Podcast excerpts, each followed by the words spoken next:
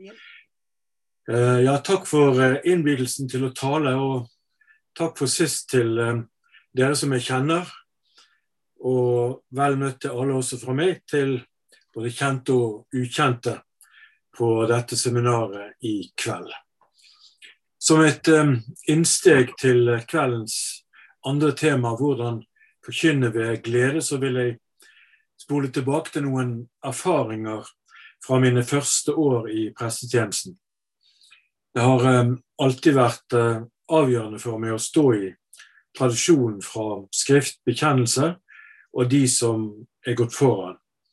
Og i arbeidet i uh, Herrens vingård så har det vært uh, veldig viktig å lytte til de eldre av kolleger og brødre og søstre i Sjelesorgens fellesskap.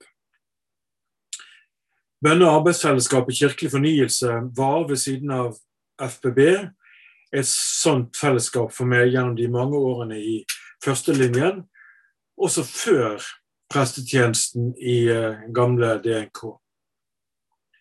På Granstevnet i januar 78 så satt jeg en kveld i en av stuene på Granavolden sammen med flere av fyrtårnene i miljøet, bl.a. velkjente Helge Aarflot, som døde i 1997. Jeg husker vi drøftet diverse utfordringer i prestetjenesten, og Helge kom da med det vitnesbyrdet som Maria gir i Johannes 2, da krisen inntrer i den velkjente bryllupsfesten i Kana. Da tok vinen slutt, og Jesu mor sa til ham de har ikke mer vin. Slik får jeg lov til å be, sa Helge Aarflot. I vår tomhet kommer Herren med sin herlighet og fyller våre tomme kar.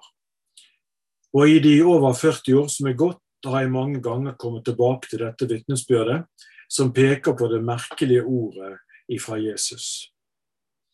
En annen avgjørende erfaring for meg kom noen år senere, da jeg sammen med min kjære sto midt i frontlinjen i budprestgjeld ved Hustadvika, der vi var prestefolk fra 1979 til 1990. Og vi var, som eh, mange vil vite, svært heldige med min overordnede. Domprost Håkon Fred Breen, som hadde en soft touch i lederskapet sitt. Han var klippefast i teologien, varsom i veiledningen, og som person tydelig, men mild. Og Dette virket oppdragende og var ofte til stor trøst, og ga nye krefter slik at vi kunne holde ut. Og Det var alltid en fest å høre han preke og holde foredrag, møte ham ved prostesetet i Molde, eller ha ham på besøk i gudstjeneste og i prestegården. Vi siterer også Christian Brav i kveld, jeg òg, akkurat som Arne alt har gjort. Og nærmere bestemt hans artikkel 'Det nærværende øyeblikkets sakrament', som ble publisert i eh, KFs blad Lære og liv i 1983. Det var slik at Håkon Breen anbefalte den veldig sterkt for meg under en telefonsamtale, og den grep meg veldig. Eh, denne artikkelen i all kort, korthet 'Det nærværende øyeblikkets sakrament' peker på at dette begrepet ble skapt av den franske 1700-tallsmystikeren Per de Caussade. Eh, selv om det kanskje er noe tvil rundt det, så er iallfall hovedsaken innholdet. Og erfaringen som ble brakt videre av Christian Bra, var at Gud stadig åpenbarer seg for menneskene gjennom de skapte ting i øyeblikket. Bak ordet sakrament skal vi her se det greske uttrykket mysterium, nemlig en hemmelighetsfull måte å være på. Det sakramentale er altså Guds hemmelighetsfulle nærvær i sin skapte verden. Som Guds elskede barn så skal vi få si velkommen til de gaver fra Gud som bare kan oppleves i det nåværende øyeblikk. Denne overgivelsen til Herren vil nok ikke alltid gi oss de tingene vi tror vi ønsker og trenger langt derifra, men vil gi oss hans fred og sette oss i rett forhold til ham. Og Her er ikke veien langt til Den hellige apostels ord om ekteskap og om Kristi kirke. Efeserne 5.32. Dette er et stort mysterium. Her tenker jeg på forholdet mellom Kristus og kirken. Det hellige nærvær, den hellige samhørighet, det sakramentale fellesskapet med hverandre og Herren i ekteskapet og i kirken. Ja, Med denne ingressen så har jeg også villet peke på en viktig forutsetning for kveldens tema, nemlig predikantens holdning overfor ordet og for Jesus selv. Det handler om prest og predikant sitt personlige livssamfunn med Herren. Det fundamentale at vi må være overgitt til Jesus og bøye oss for Guds ords autoritet. Ja, altså det hellige mysteriet, selv om det kan virke aldeles naturstridig. Ordet, det vi skal forkynne, noe vi må få, det må åpenbares for oss. Enten vi er i bønnestolen ved morgenbønnen, har et bedende sinn i arbeid og hvile, eller er på kne ved alteret. Det kan skje på det mer dramatiske plan til den stille susen. Jeg hadde også ei anelse mitt i dag. Jeg husker både ropet til Herren noen lørdagsettermiddager i Bu prestegård, etter nattevåpen med små barn, strømstans og bekjennelseskamp, for ingen preken var blitt skrevet. Men han grep inn og ga det som skulle sies. Og så i roligere farvann, da Herren tok tak nettopp i nuet og hvisket i øret 'bruk dette'. Det kunne være hovedsaken som skulle fram, eller det kunne være en ingress som kunne fungere som skapende akkommodasjon for tilhørende. Herren min Gud har gitt meg en disippels tunge, så jeg med mitt ord kan styrke den trette. Hver morgen vekker han mitt øre, så jeg kan høre på disiplers vis. Herren min Gud har åpnet mitt øre, jeg satte meg ikke imot og trakk meg ikke tilbake. Isaiah 50 kjente vi sikkert igjen, det fjerde til det femte verset. Som vi vet har forkynnelsen mange settinger. Det er gudstjenesten, det er dåp, konfirmasjon, vigsel og gravferd. Familiegudstjenesten, julaften, eh, det evangeliske møtet på bedehuset, menighetsfesten, den folkekirkelige samlingen på torget. Eh, på radioen. Og det er sjelesorgen, inkludert forberedelser til kasualier men også i videste forstand prestens og predikantens ferd på de forskjellige arenaer i livet. I våre kall, i stand, kirke og samfunn, og den krevende posten vi stunder ble satt på i media. Som vi uten videre vet alle sammen, forkynnelse til glede gir seg menneskelig talt nokså uten videre i noen av disse sammenhengene. Men jeg har lyst til, og jeg vil be om at vi søker dypere her, noe som korresponderer med ordene til apostelen. Filippane 4. Gled dere i Herren alltid. Igjen vil jeg si gled dere. La alle mennesker få merke at dere er vennlige. Herren er nær. Eh, la oss huske de ordene, selv om vi husker de aldri så godt fra før og kjenner de ut og inn, og vi har brukt de og lest de så mange ganger. Men tenk over hva det vil si. Mediter over det, lev i det. Herren er nær. Vær ikke bekymret for noe, men la alt som ligger dere på hjertet, komme frem for Gud i bønn og påkallelse med takk. Og Guds fred, som overgår all forstand, skal bevare deres hjerter og tanker i Kristus Jesus. Forkynnelsen må allment ha det mål at tilhøreren skal få del i gleden i Herren den som bærer, alt, bærer gjennom alt livet kan komme til å by på, og som vi skal få lov å ha også i kors og trengsel, og altså i gledene. Hvordan applisere dette på de forskjellige forkynnelsestyper? Plass og tid tillater nok ikke noen grundig drøftelse, men Problematikken med lov og evangelium er jo sentral og veldig mangfoldig. Jeg er sikker på at mange av dere kanskje mange ganger, kanskje alle, har lest biskop Gjerts mesterlige måte å forklare saliggjørelsens orden på i romanen 'Steingrunnen'. Ja, det er mye flott overalt her, men det som kanskje for meg har vært toppen, og som ble basisen for min kirkelige reorientering i 1973, er biskopens skildring i andre del om vekkelsespresten som kommer til kort foran en høymessepreken, og som ender opp med å lese en preken av presten Henrik Chato, som dagens preken. Og der er jo, som vi helt sikkert også husker, Romane 10,4 helt sentral. Kristus og lovens ende, så hver den som tror, blir rettferdig for Gud. Og Sånn henger det faktisk sammen, enten vi stiller oss fram med Guds ord i sorg eller glede, trøst eller fest, i oppmuntring eller formaning. Nå husker jeg godt at min lærerfar, professor Leiv problematiserte eh, ordo salutis, også i den nokså lutherske formen som den finnes i hos Gjerts. Og Aalen eh, sa også at han hadde tatt det opp med Bo Gjerts, men han ville ikke høre på det øret. Og Ålen medga da også at Gjerts mente at mennesket trengte bilder for om mulig å forklare det underet som skjer ved frelsestilegnelsen. Etter hvert som jeg er blitt eldre, så har jeg ellers ikke vært så opptatt av å tenke hva som er hva, hva er lov og hva er evangelium, for det er frigjørende å overlate alt det der til Herren. Ingen kan komme til meg uten at Faderen som har sendt meg, drar ham. Johannes 6, 44a. Og barnelærdommen og det vi lærte som konfirmanter og ja, på skolen, viser det samme. Jeg tror at jeg ikke av egen fornuft eller kraft kan tro på Jesus Kristus, min Herre, eller komme til ham. Men Den hellige ånd har kalt meg ved evangeliet, opplyst meg ved sine gaver, helliggjort og bevart meg i den rette tro. Og som vi hørte med en gang, forklaringen til tredje artikkel i den beste katekisme. Og dette tar Kristus selv ansvar for ved sin gode Hellige Ånd.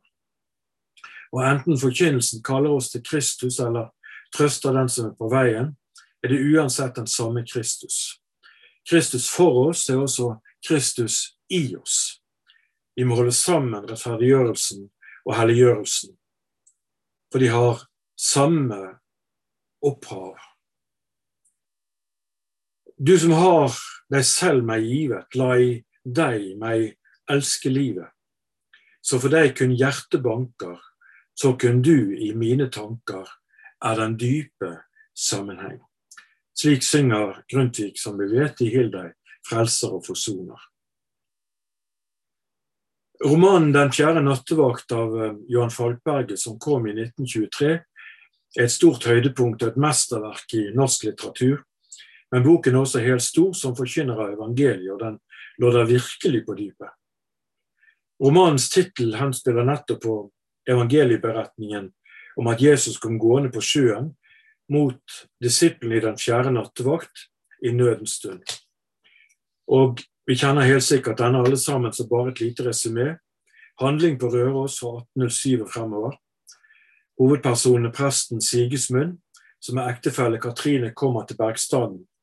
Og klokkeren Olkan Leser, Bergmann David Finne, og hans kone Gunhild Bonde de er også viktige personer i denne handlingen. Og Benjamin Sigismund oppfattes raskt som en avholdt prest for arbeiderne og bøndene. Mens klokkeren, som egentlig heter Ole Kornelius, er med som smed og spillemann, og han blir en god hjelper for presten. En sentral del av romanen er at Benjamin og Gunhild innleder et fullstendig ødeleggende forhold, som fører til Katrines sammenbrudd og død. Davids død og Benjamins og Gunhilds dype anger og lidelse. Jeg skal jo ikke komme inn på hvordan det ender, hvis noen ikke har lest det, men et virkelig høydepunkt er når presten omvender seg. Og Det kommer til uttrykk nettopp i langfredagspreken hans, der Falkberget altså skriver på helt uforglemmelig vis. I dag blir det ingen tordentale å få høre fra prekestolen i Bergstadens kirke. Sigismund gikk i dag helt opp i dagens tekst i tragedien i Getsemane. Hans ord fløy i dag ikke inn gjennom det ene øret og ut gjennom det andre på tilhørende, nei, i dag banet de seg vei til hjertedørene. Og det ble også låst opp, ja, enda de forherdede og gjenstridige de låste opp. Og deres indre øye ble merkelig klartseende. De så Jesus og de elleve der de gikk i den samme sene natt over Kedron. De så det stille, sorte vann gli taust forbi ved gjenskinn fra stjernene. De så de tre sårende disipler, og de hørte ham, Guds sønn, be der inne i mørket. Hans nød og store vonde hørte de. Og de så lyset fra engelen, det sterke, det alt gjennomskinnende. Vandringen opp til Golgata ble de vitne til. Korset, det tunge og det bitre dødens tre, som tynget hans uskyldige skuldre, tynget også deres. Kvinnene, de unge gråtende kvinner som fulgte med tilhullede ansikter, gikk forbi. Og da Sigismund foldet hendene og ba, hjelp oss at elske de alene, alene, foldet mange sine hender og ba med, hjelp oss at elske deg alene. Han, presten og hans tilhørere, de hadde alle overtrådt Guds bud. De var alle medlagt i hans sønns lidelse og død. Ingen hadde før hørt en slik langfredagspreken. Var det ikke mer enn en menneskelig forkynnelse? Den kjære Herre Krist måtte selv ha vært til stede. Han hadde steget lys levende frem for dem.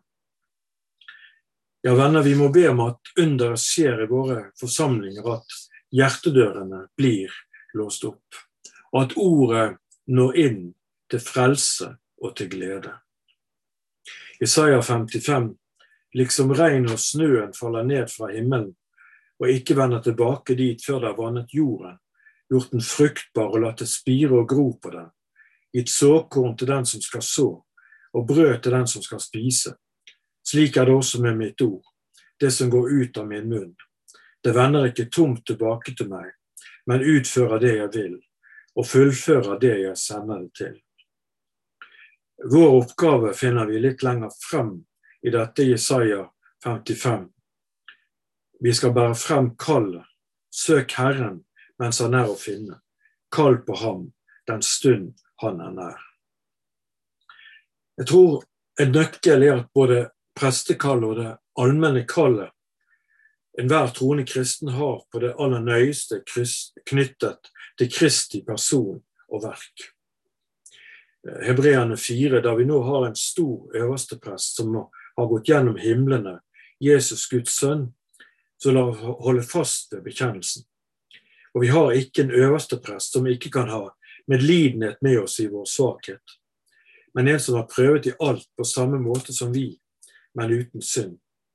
La oss derfor med frimodighet tre fram for nådens trone, så vi kan få miskunn finne nåde som gir hjelp i rette tid. Aller sist om en viktig disiplin i forkynnelsen blant flere, men jeg nevner bare denne her og nå. Forkynnelsen til formaning. Og her klinger naturligvis de bibelske formaninger med, eksemplifisert i kveld med Galatane 5, 16 og 5, 25. Jeg sier dere, sier apostelen Paulus, lev et liv i ånden. Da følger dere ikke begjæret i vår syndige natur. Har vi fått liv i ånden, livet ved ånden, så la oss også leve ved ånden. Her er Helligånden redskapet som vi skal få lov å leve kristenlivet ved. Vi er altså helt avhengig av Den hellige ånd og hans veiledning for å leve det kristne livet. For å leve i helliggjørelsen. For Kristis skyld. I ham har vi adgang til Faderen ved en ånd. Efeserne 2,18. Jeg vil gjerne oppmuntre til å forkynne kallet til å leve det kristne livet på dåpens grunn, og holde oppe klassisk kristen etikk for de troende. Vi skal bli det vi allerede er. Parakaleo kan ganske riktig bety å formane, men å oppmuntre og trøste ligger der også. Å heie på, rett og slett, i dette viktige nytestamentlige uttrykket. Og Som kristne trenger vi alt dette om vi skal nå målet hjemme i himmelen.